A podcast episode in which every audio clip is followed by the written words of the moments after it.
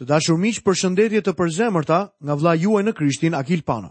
Ju uroj mirëseardhje në emisionin e sotëm dhe ju kujtoj që jemi duke studiuar nga fjala e Perëndisë në librin e Veprave të Apostujve. Në emisionin e kaluar u morëm me kapitullin e dytë të këtij libri dhe sot menjëherë do të bëjmë lidhjen e këtij kapitulli me predikimin e parë në kishën e hershme të mbajtur nga apostulli Pjetër. Pa u vonuar lexojmë nga vargjet 14 dhe 15 në kapitullin e dytë të veprave të apostujve. Por Pjetri u çua në këmbë bashkë me të njëmbëdhjetët dhe u foli atyre me zë të lartë. Judenj dhe ju të gjithë që banoni në Jeruzalem, merrni njoftim për këtë gjë dhe dëgjoni me vëmendje fjalët e mia.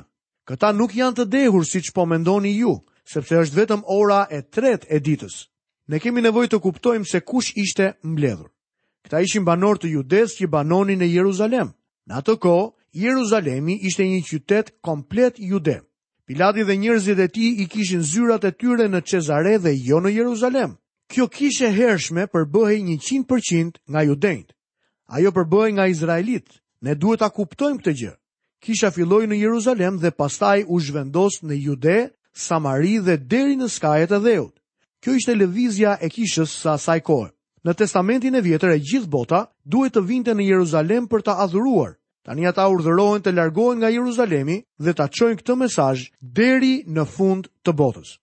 Pjetri u përgjigjet talljeve të tyre duke thënë, këta nuk mund të jenë të dehur sepse shihni orën. Kjo nuk ishte një orë kur deheshin njerëzit. Ai po u flet njerëzve cinikë. Tani Pjetri citon për ta nga shkrimi i tyre. Lexojmë vargun e 16. Por kjo është ajo që ishte thënë nëpërmjet profetit Joel. Ai e përdor këtë profeci si një përgjigje për njerëzit cinikë, jobesimtarët dhe tallësit. Ky është synimi i citimit të saj. Ai thotë, kjo është ajo, që do të thotë, kjo është e ngjashme me atë. Ai nuk do të thotë se kjo është përmbushja e asaj që është folur nga profeti Joel. Pra ai po thotë, pse mendoni se kjo është diçka e çuditshme apo e habitshme?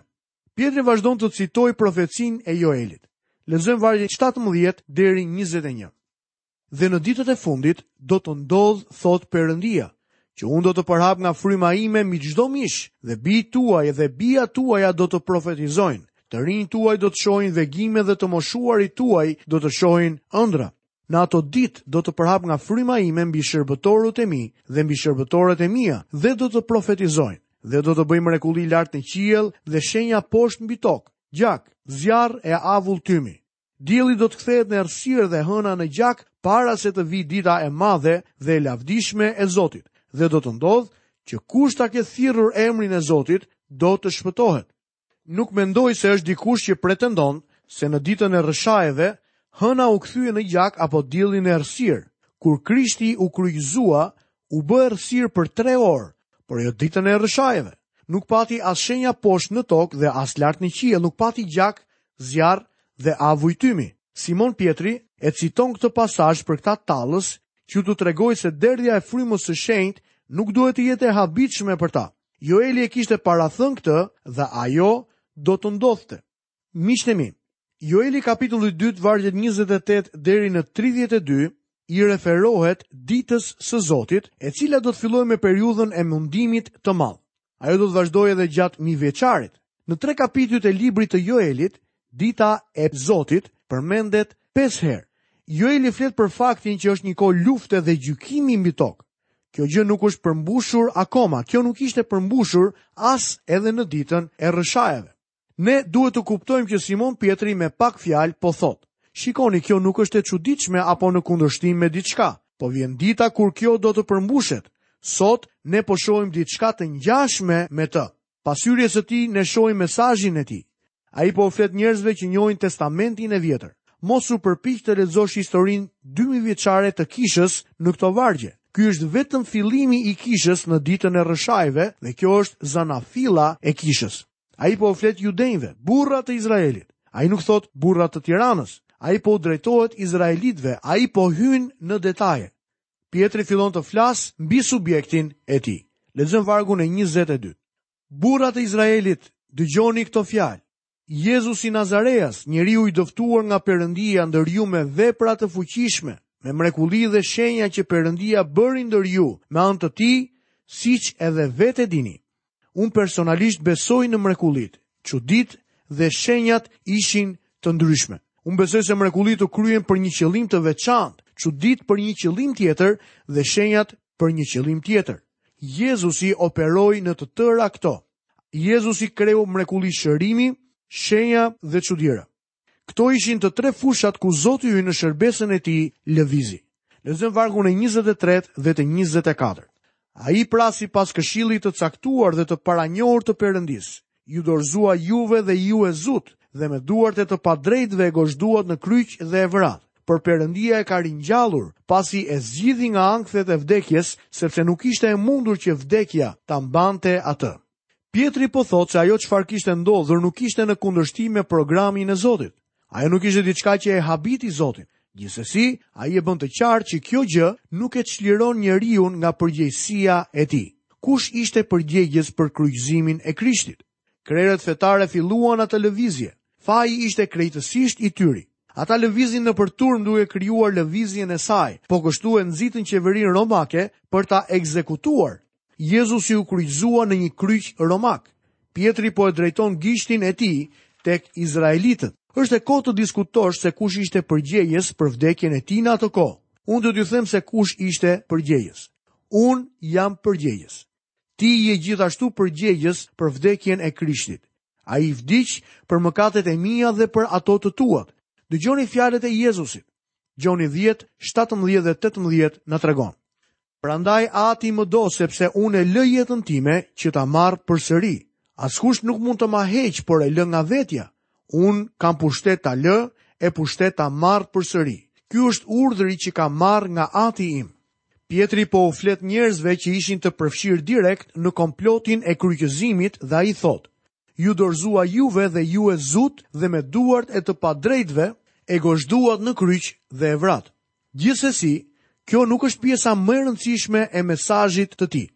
Ai vazhdon, por Perëndia e ka ringjallur pasi e zgjidhi nga ankthet e vdekjes. Pjetri predikon ringjalljen e Krishtit. Ky ishte predikimi i parë në kishën e hershme. Ky ishte vetëm fillimi. Kjo ishte dita e rrëshajave. Cila ishte tema? Tema nuk ishte profecia e Joelit. Tema ishte ringjallja e Jezu Krishtit. Le të mos përpiqemi ta ndryshojmë subjektin e tij. Tani ai do të vazhdojë të citojë tekstin e tij. Pjetri citon nga Psalmi 16, vargjet 8 deri 10. Jam i gëzuar që ai e bën këtë sepse kjo na ndihmon ta kuptojmë Psalmin 16. Lexojmë poshtë predikimin e Pjetrit, vargjet 25 deri 27. Në fakt, Davidi thotë për të, e pata vazhdimisht Zotin para meje, sepse ai është në të djathtën time që unë të mos hiqem, për këtë u gëzua zemra ime dhe ngazëlloi gjuha ime, dhe mishi im do të qëndrojë në shpresë, sepse ti nuk do ta lësh shpirtin tim në hades dhe nuk do të lejosh që i shenjti yt të shohë kalbjen. Fjala hades duhet të jetë Sheol. Në atë kohë, ai quhej Sheol. Vargu 28. Ti më ke bërë të njoh udhët e jetës, ti do të më mbushësh me gëzim në praninë tënde. Tek psalmi 16, Davidi flet për ringjalljen e Krishtit. Kjo tashmë është përmbushur. Interpretimi i këtij psalmi na jepet nga Simon Pjetri, i cili është mbushur me frymën e shenjtë. Lexojmë poshtë vargun 29. Vëllezër, mund të thuhet haptas për Davidin patriark që ai vdiq dhe u varros, dhe varri i tij është ndër ne deri në ditën e sotme. Me sa duket Pjetri po qëndronte në zonën e tempullit. Ai mund ta drejtonte gishtin e tij drejt varrit të Davidit. Edhe unë kam qenë në atë zonë dhe e kam drejtuar gishtin tim në malin e Sionit ku ishte varrosur Davidi. Ai thotë: Është më se e dukshme se Davidi nuk po fliste për veten e tij sepse kockat e tij ndodheshin në majë të kodrës. Varri i tij është atje dhe trupi i tij e pa kalbjen. Ai nuk po flet për veten e tij, por për dikë që unë dhe ti e njohim, për dikë që nuk e pa kalbjen, por u ngrit nga të vdekurit, për Zotin Jezu Krisht. Lexojmë vargjet 30 dhe 31. Ai pra duke qenë profet, e dinte se Perëndia i kishte premtuar me betim se nga fryti i belit të tij sipas mishit do të ngjallet Krishti për t'u ulur mbi fronin e tij. Dhe duke parashikuar këtë, foli për ringjalljen e Krishtit, duke thënë se shpirti i tij nuk do të lihej në Hades dhe se mishi i tij nuk do të shihte kalbjen. Kjo ishte ajo për të cilën po fliste Davidi në Psalmin e 16. Davidi fliste për ringjalljen e Krishtit. Ti mund të thuash, Pastor Akili, por unë e kam lexuar Psalmin e 16 dhe aty nuk thuhet se Jezu Krishti do të ngrihet nga të vdekurit. Miku im, këtu tek libri i Veprave, kapitulli i dytë, ne kemi interpretimin e frymës së shenjtë për këtë psalm. Tani mund të kthehemi mbrapa dhe ta lexojmë psalmin duke ditur që i referohet ringjalljes së Jezu Krishtit. Për çfarë po flet Pjetri? Predikimi i tij është për ringjalljen e Krishtit. Predikimi i parë në kishën e hershme ishte predikimi i Pashkës. Çdo predikim në kishën e hershme ishte një predikim Pashke. Lexojmë vargun e 32. Këtë Jezus Perëndia e ka ringjallur dhe për këtë të gjithë ne jemi dëshmitarë. Tani Pjetri po i thotë turmës së asaj dite. Kjo është ajo që ju keni parë. Kjo është mrekullia e dëgjimit të gjuhëve të tyre të folura nga Galileasit. Kjo ndodhi Sepse Jezusi u ngrit nga të vdekurit. Lexojmë vargjet 33 deri 35. Ai pra, duke qenë i ngritur në të djathtë të Perëndisë dhe duke marrë nga Ati premtimin e frymës së shenjtë, ka përhapur atë që ju tani shihni dhe dëgjoni. Sepse Davidi nuk është ngritur në qiell, madje ai vetë thotë, Zoti i ka thënë Zotit tim, Ulu në të djathtën time, derisa unë t'i vë armiqtë e tu, si stol të këmbëve të tua. Shenjtorët e testamentit të vjetër nuk shkonin në qiell. Nëse vetëm ndonjëri prej tyre do të kishte shkuar në qiell, ai do të kishte qenë Davidi. Davidi nuk u ngjit në qiell. E shihni, shenjtorët e testamentit të vjetër do të ngrihen për të jetuar në këtë tokë. Kisha do të çohet në Jeruzalemin e ri. Për besimtarët e sotëm, thuhet se në momentin që vdesin, ata shkojnë me Zotin. Lexojmë vargun e 36. Ta di pra me siguri gjithë shtëpia e Izraelit, se atë Jezus që ju e keni kryqëzuar, Perëndia e ka bërë Zot e Krisht. Ai po predikon ringjalljen e Jezu Krishtit, të atij Krishti që vdiq për mëkatet e tyre, por që u ngrit sërish. Lexojmë vargjet 37 dhe 38. Kur ata i dëgjuan këto gjëra, u pikëlluan në zemër dhe pyetën Pjetrin dhe apostujt, Vëllezër, ç'duhet të bëjmë? Mesazhi i Simon Pjetrit solli bindje në zemrat e tyre. Atëherë Pjetri u tha, Pendohuni dhe secili nga ju le të pagëzohet në emër të Jezu Krishtit për faljen e mëkateve dhe ju do të merrni dhuratën e frymës së shenjtë. Kjo fjalë i drejtohej atij populli që kishte fjalën e Zotit, që kishte dëgjuar mesazhin dhe që njihte profecitë. Ata po shkonin në një drejtim larg Perëndisë. Edhe pse ata kishin një fe të dhënë nga Zoti, ata duhet të pendoheshin. Ata duhet të ktheheshin nga rrugët e tyre për të ardhur tek rruga e Zotit. Pjetri u thotë atyre: Pendohuni dhe pagëzohuni. Pagëzimi me ujë do të ishte evidenca që ata ishin penduar dhe që kishin ardhur te Krishti duke vënë besimin e tyre në të. Pjetri u thotë, pagëzohuni në emrin e Jezu Krishtit për faljen e mëkateve. Kjo do të jetë evidenca që ju i keni besuar Krishtit për faljen e mëkateve dhe do të jetë më e mirë se sjellja e një sakrifice në tempull. E shini, pagëzimi do të ishte një dëshmi për faktin se Krishti është qengji i Perëndisë që e heq mëkatin e botës. Lexojmë nga vargjet 39 dhe 40. Sepse premtimi është për ju dhe për bijtë tuaj dhe për gjithë ata që janë larg, për ata që Zoti Perëndia ynë do t'i thërrasë. 2000 vjet më parë unë dhe ti ishim larg. Ai po flet për ne në këtë varg. Dhe me shumë fjalë të tjera u përbetohej dhe i nxiste duke thënë: Shpëtoni veten nga ky brez i çoroditur. Me fjalë të tjera, largohuni nga kjo fe. Kthehuni te Krishti. Lexojmë vargun 41. Dhe ata që e pranuan fjalën e tij me gëzim, u pagëzuan atë ditë u shtuan rreth 3000 veta. Kjo nuk ishte llogaritja e një predikuesi, Këta ishin besimtarë të lindur sërish. Këtu gjejmë një vend ku shifra e numrit të besimtarëve të lindur sërish është plotësisht e saktë. Lexojmë vargun e 42.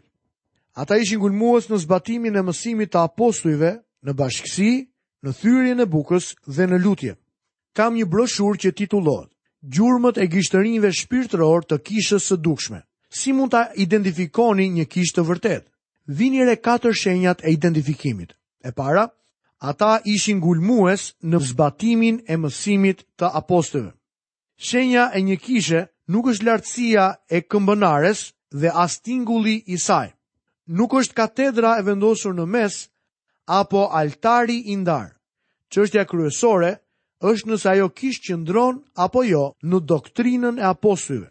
Doktrina e duhur ishte një nga gjurmët e kishës së dukshme. Së dyti, miqësia.